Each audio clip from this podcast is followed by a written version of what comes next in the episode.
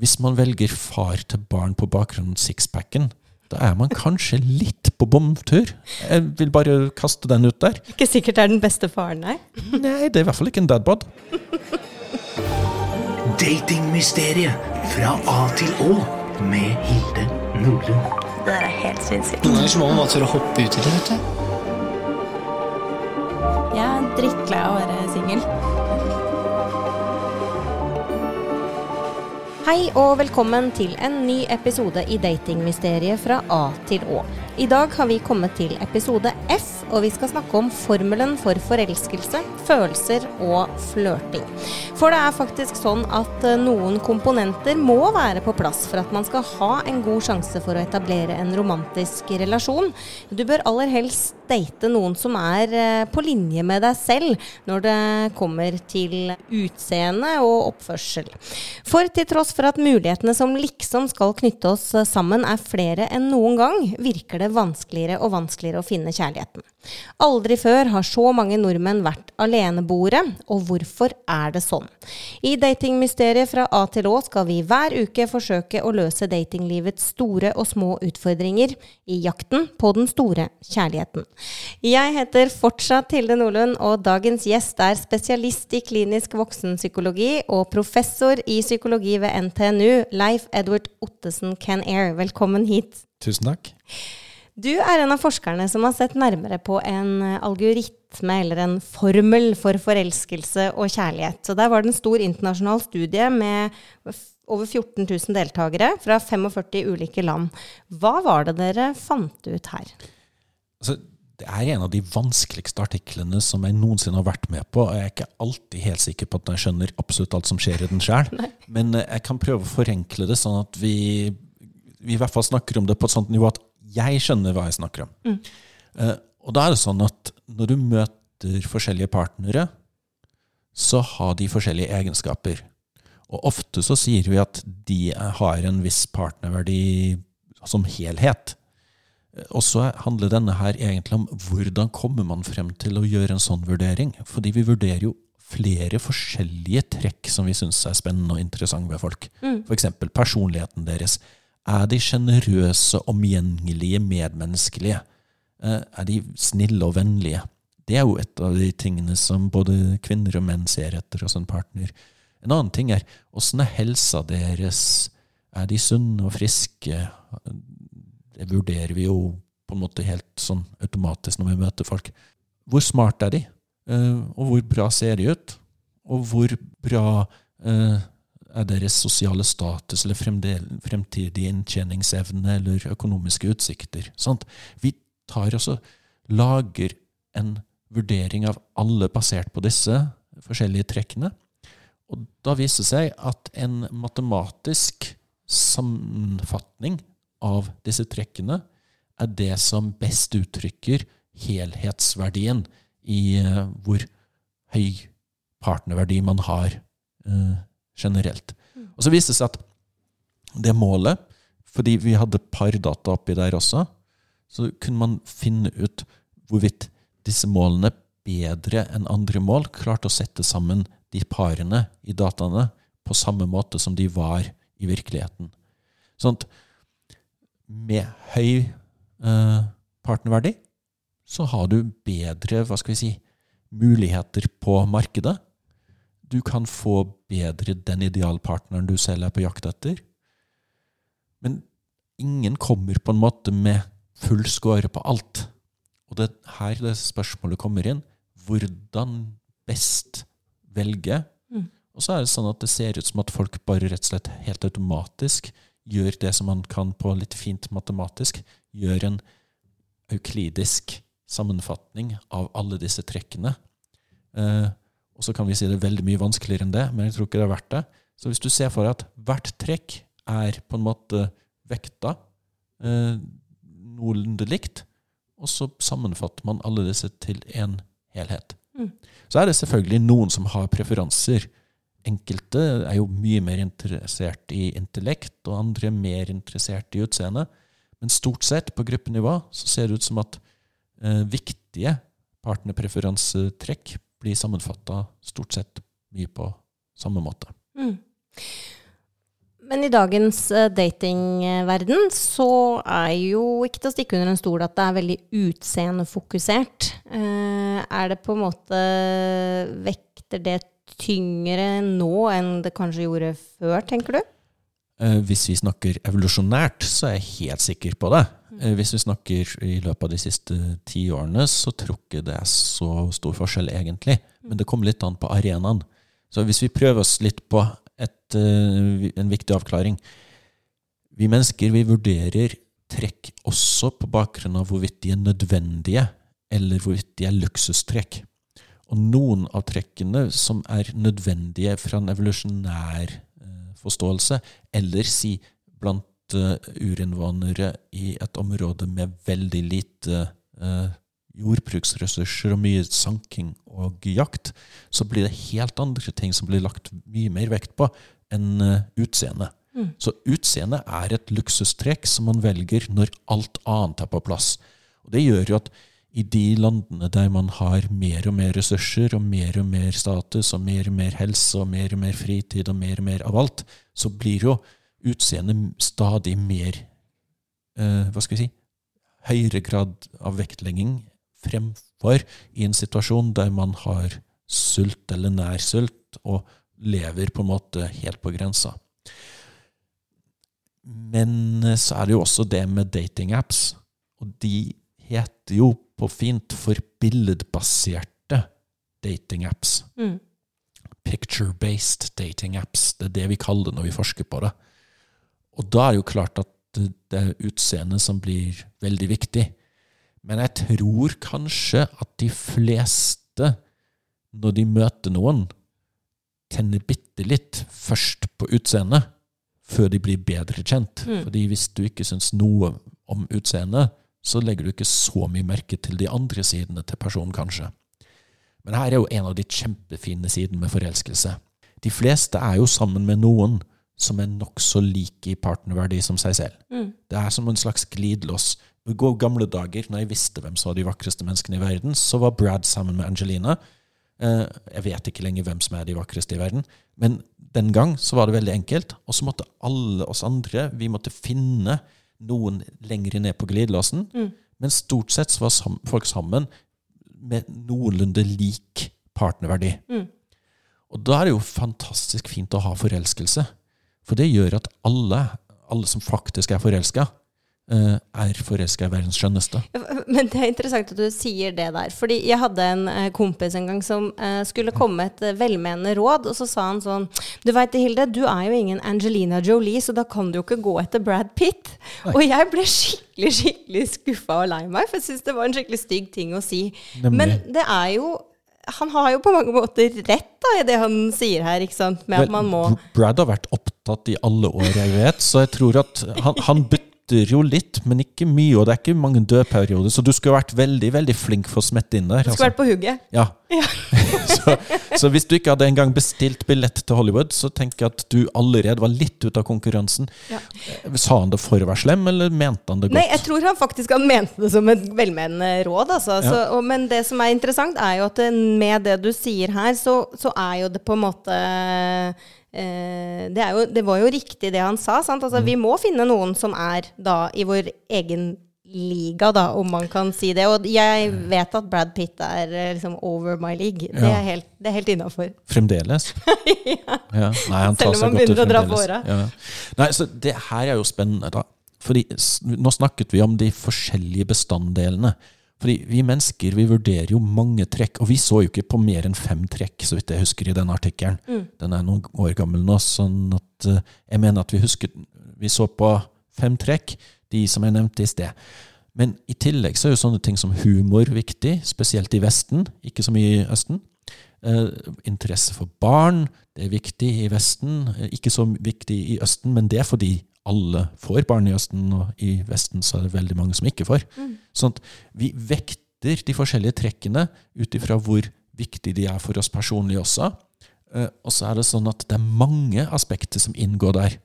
Og så er det sånn at du spurte om utseendet er så viktig, og det er nok nokså viktig. Hvis ikke du har noe attraktivitetskick på utseendet til den andre, så er det kanskje et eh, lite grobunn for videre utforskning. Men, men forelskelse kan fikse dette også. Fordi har du noen gang kjent noen som du har kjent en stund, og så etter en stund da blitt forelska i deg? Uh, ja, selvfølgelig. Gjennom åra så har man jo det. Endret de da utseendet? Nei, de, så, de gjorde jo ikke det. Ikke, ikke, ikke objektivt, men syns du de så vakrere ut? Ja, og det er jo også interessant sånn Jeg kan jo synes at noen er fantastisk flotte, mens venninnene mine ikke ser det i det hele tatt. Og Ja. motsatt, ikke sant? Nemlig. Sånn at en, vi har subjektive variasjoner, selv om, selv om de er ikke så store som folk vil ha det til. På gruppenivå så er, så er det sånn at folk blir veldig vurdert likt på, av flere i en gruppe. Men forelskelse fungerer på den måten at når vi syns noen er generelt attraktiv. Altså, humoren deres er bra, intellektet deres er bra, de er sunne, og de er flotte på andre måter, så kommer faktisk utseendet å bli dratt med inn i spill, sånn at de blir også mer eh, attraktive for oss fysisk og utseendemessig. Og det er jo det fine med forelskelse. Sant? Det at man åpner for at forelskelse kan kunne skje, eh, det kan eh, jo også gjøre at man eh, klarer også å bli sammen med en person. Ja, så det at man kan på en måte havne i en høy liga, da, siden vi skal bruke det out of my league-termologien. Hvis man scorer høyt på det med snillhet og helse, for eksempel, men ikke Ja. så høyt på utseende. Altså, man kan kompensere til en viss grad, det er det jeg sier. Fordi totalbildet er viktigere enn hvert enkelt trekk. Men hvorfor er det liksom så viktig å finne noen som er da i samme liga, eller har samme liksom partnerverdi som deg selv, da? Det er ikke egentlig viktig. Det, det viktigste er å få så god partner som du kan. Altså, en av mine kjepphester er at vi slutter å bruke ordet tilfeldig sex. Fordi det er jo ikke tilfeldig sex. Jeg håper i hvert fall ikke altså Helt tilfeldig bør det kanskje i hvert fall ikke være. Altså, jeg var på vei til Rema, og så på veien der så Ja ja, så ble det et ligg. Um, skulle egentlig ha melk og brød, men tilfeldigvis så hadde jeg sex i dag.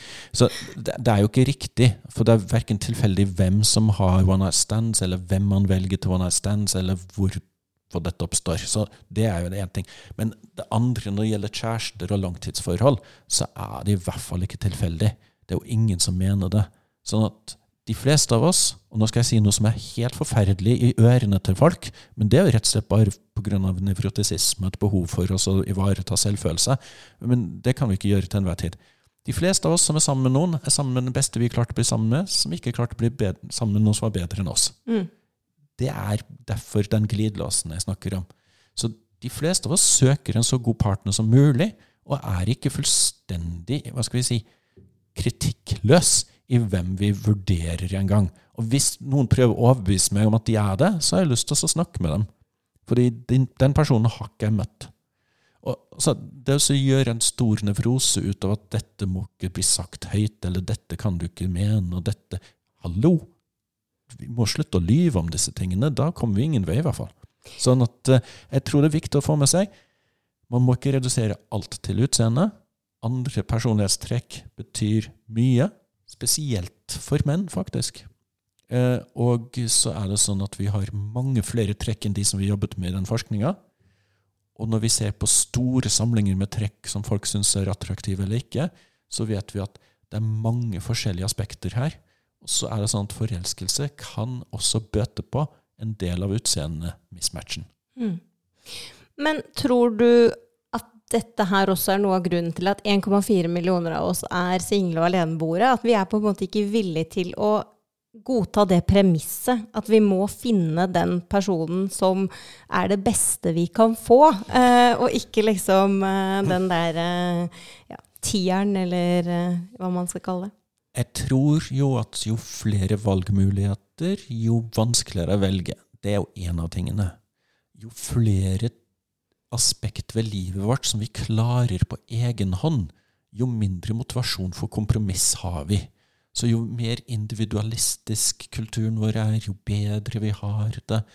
Og så er det sånn at det er jo problem hvis man skal bevege seg fra one night stands-markedet til langtidsmarkedet, som jeg snakket om i episode A.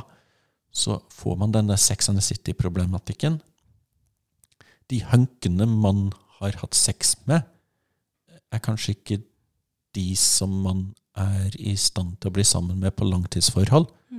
Men der er det ikke bare hvorvidt man kan få de på kroken, for å si det på den måten. Det er jo et spørsmål om er det egentlig de du vil ha et langtidsforhold til. Når vi har gjort studier, eller ikke vi, den, eh, noen venner av meg i Skottland som har gjort dette her, de så på hvem, hvem likte jentene best på bildet. Så valgte de de mest maskuliniserte, altså de kjekkeste med størst hakeparti. Og, eh, og så spurte man i hvor stor grad liker du han ellers, og hvorvidt stoler du på han? Og da fikk jo de skikkelig lave scorer. Sånn man må jo også huske på hva et forhold som skal vare ved over tid, er. Og da er man ikke bare på sensation seeking. Og forelskelse, som jeg har snakket positivt om hittil i episoden, den, det varer ca. et år, maks. Mm. Så det er nesten ingen som klarer å vedlikeholde forelskelse forbi et år. Eh, og da skal man ha noe annet. Fordi kjærlighet består jo da av lidenskap, forpliktelse og intimitet. Og hvis man ikke kommer så nært innpå den andre at man får denne intimiteten eller nærheten, hvis man ikke klarer å forplikte seg, så blir det jo en veldig overfladisk eh, lidenskapsfaktor igjen. Mm.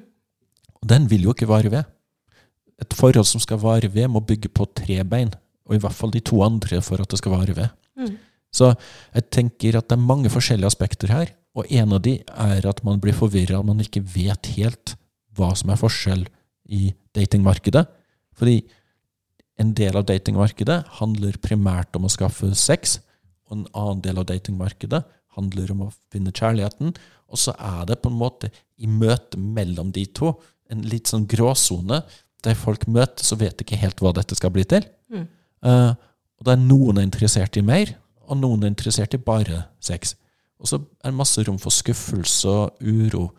Men i det så bør man jo velge gode måter å spille det spillet på.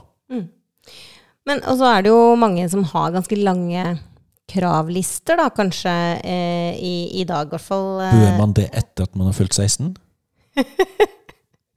Men man har jo det, man vil ha, man vil ha det og det, og de skal ha sånn og sånn utdannelse, og den og den jobben, og ikke sant. Ja. Altså man har mange, mange krav. Men hvordan faller det på en måte sammen med denne formelen som du snakker Ja. om, da? For det, det blir jo en slags mismatch der, kanskje? Ja, men for, for seksuell tiltrekning så er det langt færre ting man ser etter. Stort sett så ser man bare etter utseende og seksuell attraktivitet, og hvorvidt man får hjertet til å hoppe og hormonene til å brøse. Mm. Sånn hvis man, hvis man ikke klarer den der avklaringa av typen altså, Hvis man ikke engang vurderer er dette hvem jeg vil skal være far til mine barn, eller vil jeg bare at han skal holde ut så lenge som mulig i natt? Altså, det, det er litt sånn, hvor, hvor er man helst? Mm. Sånn hvis man velger far til barn på bakgrunn av sixpacken, da er man kanskje litt på bomtur.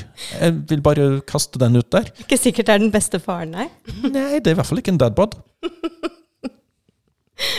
Men um, hvordan skal man på en måte For man, man har jo kanskje en fast type som man faller for.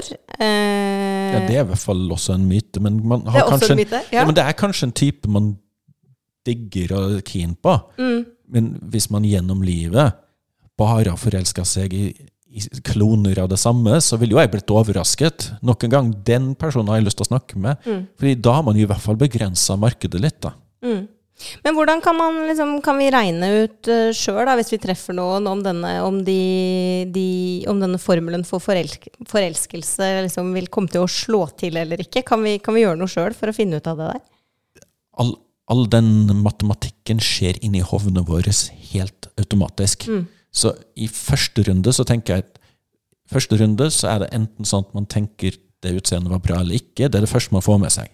Så må man jo gi vedkommende en liten sjanse. Og det vi vet, er at jenter gir gutter mye mer sjanse enn eh, de kanskje egentlig mener at de fortjener. Mm. Sånn at jenter er egentlig nokså rause sånn de første par minuttene i et møte for å gi han muligheten til å vise frem mer.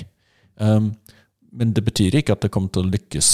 Men så er det sånn at så får man muligheten til å undersøke sånne ting som har vedkommende en eh, Altså, er de intelligente nok? Er de hyggelige nok? Er de sjenerøse nok? Er de flinke med andre folk? Er andre i rommet interessert i dem? Er, har de en interesse for andre? Altså, sånn at vi må jo bygge mer og mer informasjon inn i det her.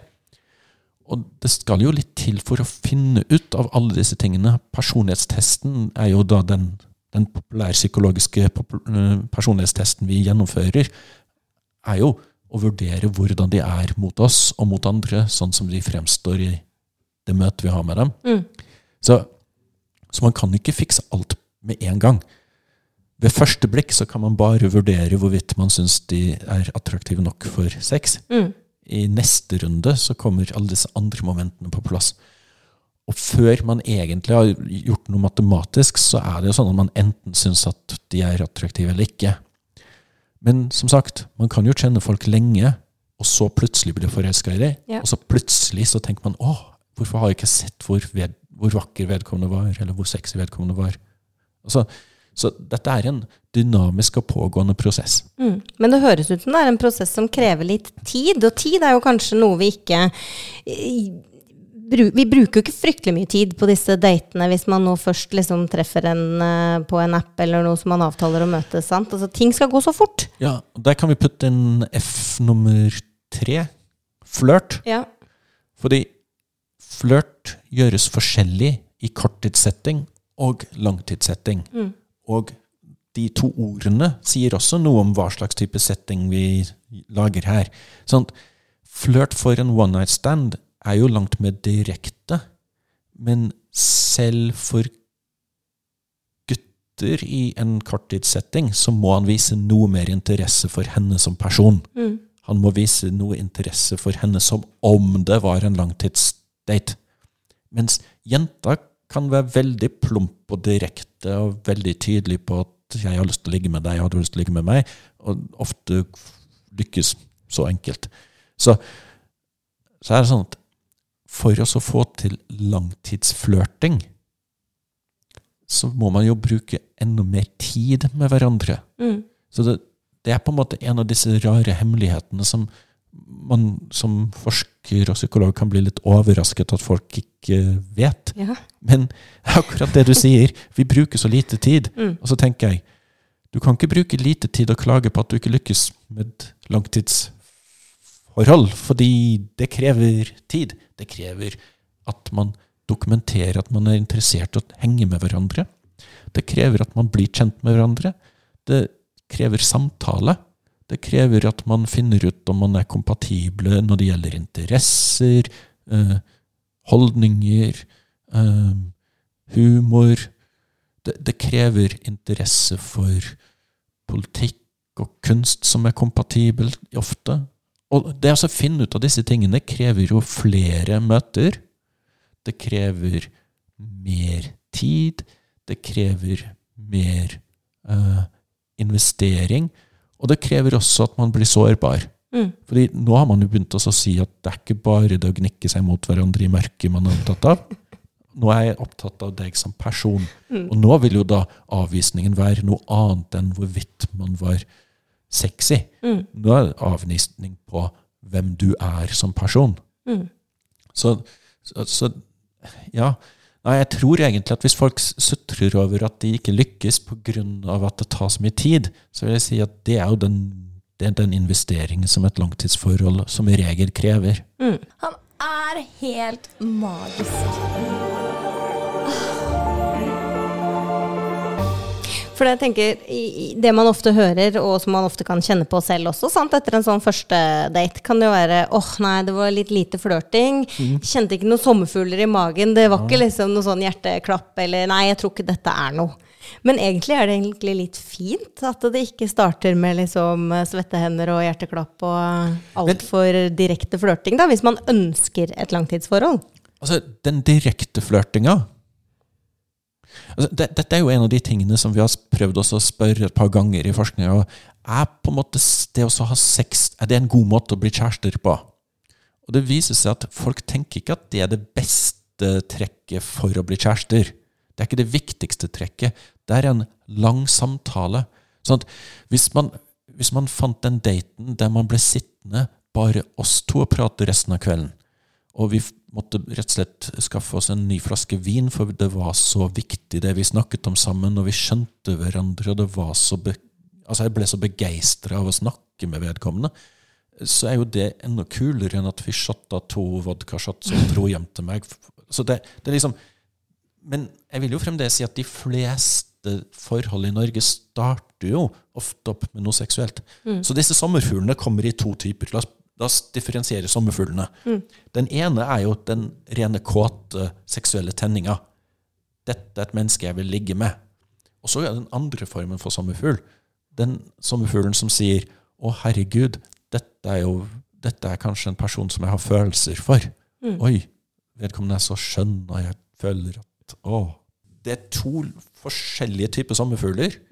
Eh, og så er det sånn at noen ganger så ser de veldig like ut, og noen ganger så løper man etter den ene sommerfuglen med hoven sin, og noen ganger så løper man etter den andre med hoven sin. Jeg vil si at ofte så kan man ikke i de første møtene faktisk være sikker på hvilken type sommerfugl det er heller. Men hvis man har lyst til å finne ut av det, så krever det litt tid. Og skal man finne den der formelen for forelskelse og kjærlighet da, som dere har eh, forsket på, så krever i hvert fall det litt mer tid enn en kaffedate. Ja, men ja, en kaffedate og en øldate og kanskje en sånn kaffe sent på kvelden-date. Ja. Men, men det som er fascinerende med det, er at den formelen den løser vi inni hodet vårt helt automatisk som mennesker. Vi har bare klart oss å sette den ned på papiret hvordan folk ser ut til å løse den uh, inni hodene sine. Og vi kan nå beregne den, men det som skjer inni hodene, skjer helt automatisk. Så det man kan gjøre, er å prøve å sette seg selv i situasjoner der man gir seg selv tid og mulighet til også bli forelska. Se forbi bare utseendet. Klare oss å finne ut om den andre er kompatibel personlighetsmessig, interessemessig. Har vedkommende ok humor? Er det sånn at vedkommende smiler? Er det slik at man har lyst til å møte vedkommende en gang til? Det er jo det som er på en måte grunnlaget for et lengre forhold istedenfor korttidssex. Man sier jo dette her med at like barn leker best. Ja. Men hvor viktig er dette her med liksom felles interesser og hobbyer og dette her da, for at man skal få en, eh, en skikkelig match? Stort sett i gamle dager så har man møttes på ja, kirka, menigheten. Man har møttes på skole, på jobb.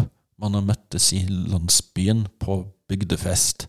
Altså Man har møttes i arenaer som er felles kulturarenaer.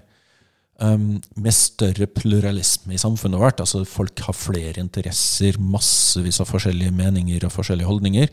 Så har vi hatt en periode der folk har ikke nødvendigvis helt perfekt overlappende i kulturbakgrunn. Og så har vi en slags identitetspolitisk eh, trussel mot eh, pardannelsen, der folk krever mer og mer at folk må være helt enige med meg i alt, ellers så kan jeg ikke være sammen med dem. Det siste er jo jeg litt skeptisk til. Jeg tenker at det er veldig lite raust. Mm. Jeg tenker at det må være noe manglende overlapp. Men vi ser jo at på veldig mange faktorer, f.eks. folk vil være like attraktive stort sett, det er én ting. Og så er det en del personlighetstrekk det ser ut til å være en litt større sånn Hva skal vi si At man finner partnere som er lik seg selv på forskjellige måter. Um, så det er nok sånn at istedenfor opposites attract, så er det sånn at det er nok mer sånn at likhet er grunnlaget. Men eh, jeg tenker at man skal ikke overdrive den biten for mye. Jeg tenker at eh, dagens unge ser ut til å kreve fryktelig mye rettenkning og enstenkning. Eh, og det tror jeg vil være en, eh, en liten ulempe for folk å ha en sånn holdning. Det begynner da å nærme seg slutten på denne episoden. Vi avslutter hver episode med å komme med et lite tips og råd til lytterne våre. Har du et eh, tips eh, når det kommer til dette med formel for forelskelse? Ja, jeg tenker gi, gi den du er interessert i, tid. Og prøv å komme forbi den seksuelle tiltrekninga som eneste grunnlag for pardannelse.